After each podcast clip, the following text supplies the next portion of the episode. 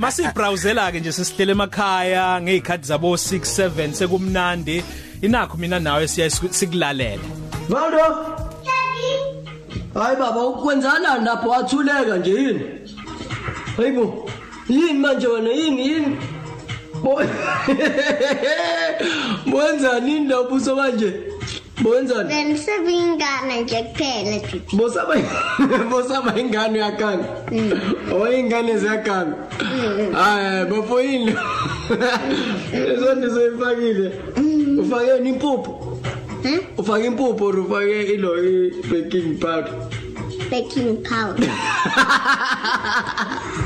Hamba lapho usuna letho kunwa Avani kwaze kwakuhle bakithi. So e studio siyazi ukuthi inyanga yamadoda and siyayigoqa eh, ngesonto elizayo. I mean sithi asivesibonge noma sithi qhubeke ndoda umsebenzi omuhle owenzayo. Yingakho namhlanje sizochoma uphapha legolakala. Ubaba kaValdo hello. uLindo Lindo Sithole. Sithole man. Sanibonani ninjani ukhosini? Siyaphila. Kanginomngane wami boyfriend ex boyfriend yakho Lindo Sithole. Mm. Hayi.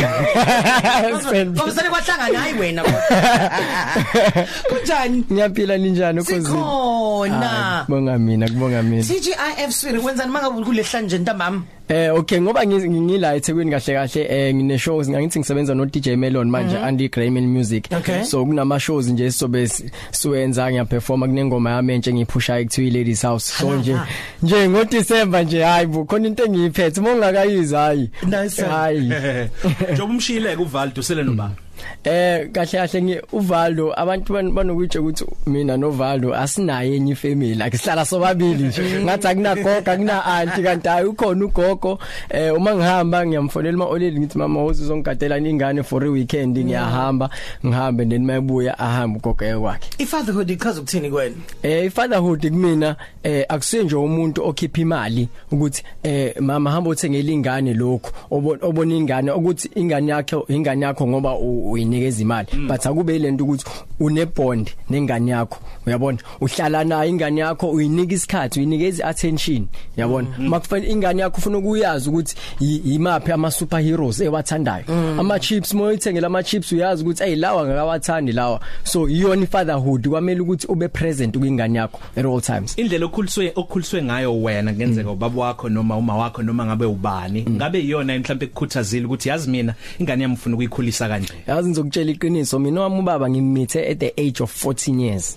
Nakhona only spend like 2 months naye before a- ahamba. Ah, Kod- lonto leyo i- ingenza ukuthi ngithi mangikhula ngithi yazini lento e- im- impilo engiyiphilile ukuthi anginawo baba ngikhulisa nje umama kuphela angifune yami ingane ukuthi experience lonto ngifuna ukuba khona kwingane yami from day 1 uvaldo bengikhona esesibhedlela from day 1 yeah. So into engangisitshele yona vele ukuthi ngifuna ingane yami ikwazi ukuthi baba ikwazi ukuthi mama. Yeah. I- i- into yokuqala mawuvula amehlo mawungabe umbuka nje ufikelwa yini? Hey hey ngivele nge- so- sometimes yazi nginokwehlela inyembezi ngivele ngibuke ngithi yazi uNkulunkulu uzokubusisa nge ngezinto ongazilindele.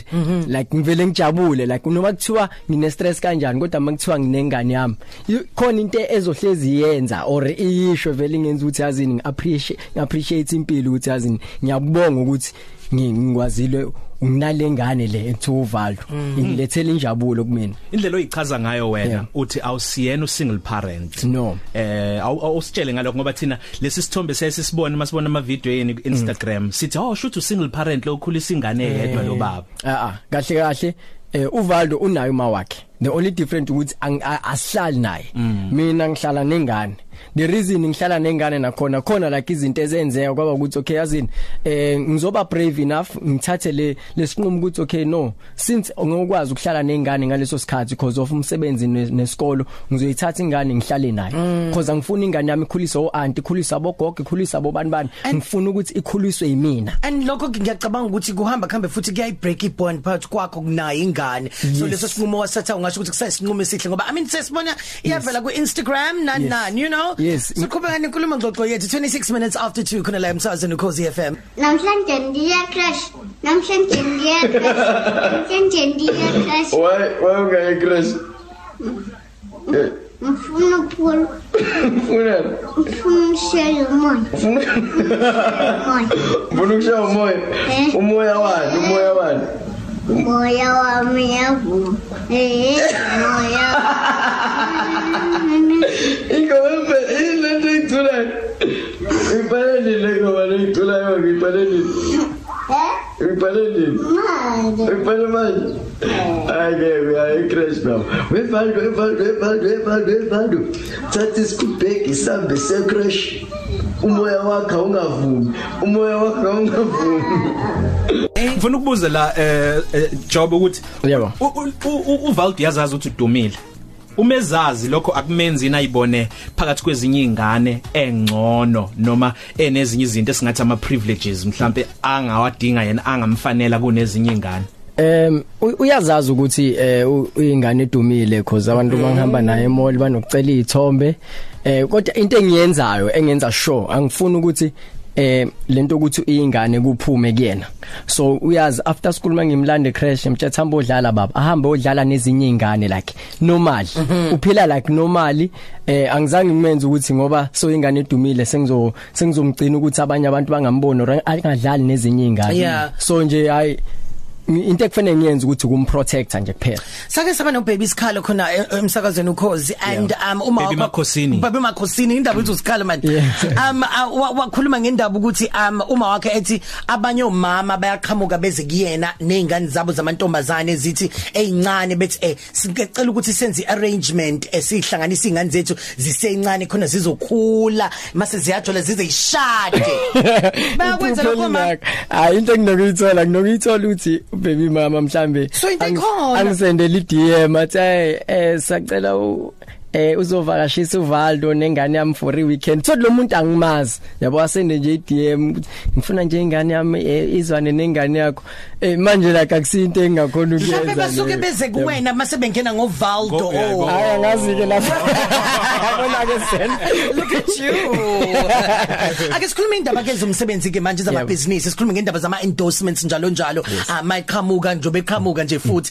Um u- u- mase lokho kuhamba kanjani kuwena? I mean um u- ubani osekufundisile futhi ne ne- ne ne- ne business ukuthi ngoba phela khona ezinye izinto kumele uyithathe khona ezinye izinto kumele ungayithathi anokuspend imali um yeah Em ngisho nje ukuthi ngiyabonga ukuthi kudala ngikhona kule eh, music industry. So ngifundile ngalezi zinto lezi ngeke ngaba nama ngeke ngaba kwi agency so ngiyazi when comes to ama ads kwenziwa kanjani so uma ziza eh angithathi noma yipi campaign efikayo ngithatha icampaign engibona ukuthi okay akusiyo umsebenzi ozomenza ukuthi ingane draineke at the end of the day.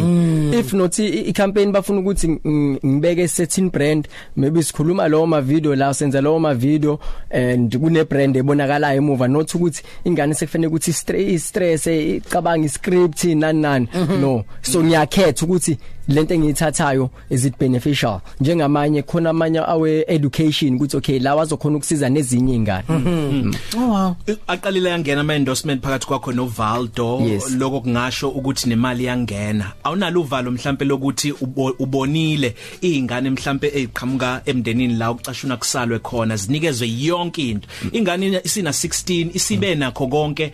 Okusetshenzelwa kanzima imvamisa. Uthola ukuthi yona isikutholile awunalo uvalo lokuthi lokho kungayilimaza ingane mhlambe igcina siyenze ezinye izinto mayifika ku16 ithi pho yini enye kusangadinga ukuthi ngiyenze empilweni? Eh into ekuzofana ukuthi mina ngihlezi ngiyenza ngimbonise indlela engikhule ngayo kusafanele ukuthi ngimtshele ngayo ukuthi hey baba emhlabeni awuvela uthole noma ungayini. Noba ngathiwa ngiyakhona ukuafforda at the moment but akusho ukuthi like forever. Yeah. because sometimes kuyenzeka ukuthi rand libe low. So ufuna ukuthi understand into ekufanele ukuthi ngimtshele ukuthi understand ukuthi ngeke uhlezi uthola yonke into. Namanje unoku- unokuhamba naye mall afika athi "Daddy, ngifuna le toys. Ngithothi khona imali ukuthi ngilithenge. Ngithi hayi mfana kusafanele ukuthi ngisebenze. Mase nginalo.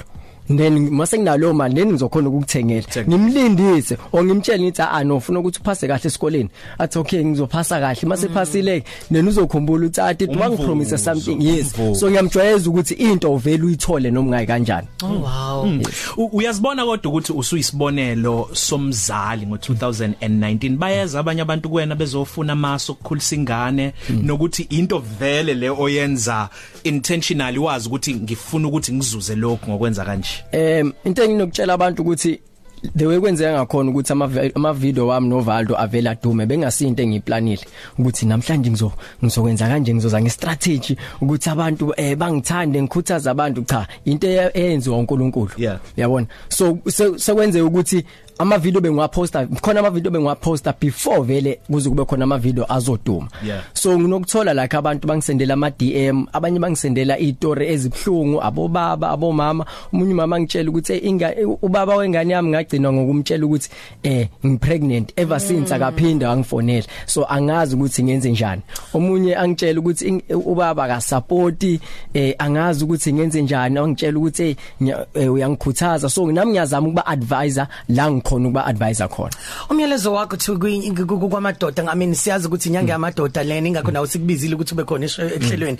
Um ungathini enyangeni nje amadoda ungathini kuwona? Okay into yokuqala nje eh kulabo baba labo who are present to ingane zabo ngifuna ukusho ukuthi asibe new generation siyenze lento leyo siyenze siyenze sibonise ukuthi because imo state asikhulanga asikhulisanga abo baba. Ah, so thina. yes so thina funa ukuthi sibe generation ine style. Ukuphume nengane yakho u- u- u- attend ama crash meetings u attend yonke into ingane yakho i- ube ne bond u create bond nayo. Then kulaba ababalekela i ama responsibilities yakhe ukwazi lokho uzoyitshela ubalekela indleko zakho kanti wena ubalekela ibusiso zakho.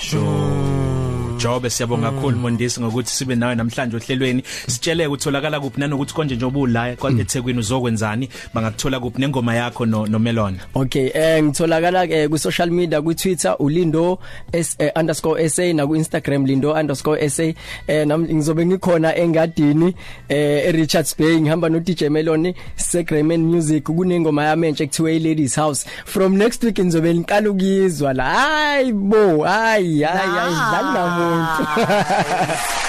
ube nentamamente sikuthanda kakhulu niqhubeke njalo sonibona ku Instagram abangakulandeli sibukuthola kuphi abangangilandeli bazongithola emashowini Coffee Cafe.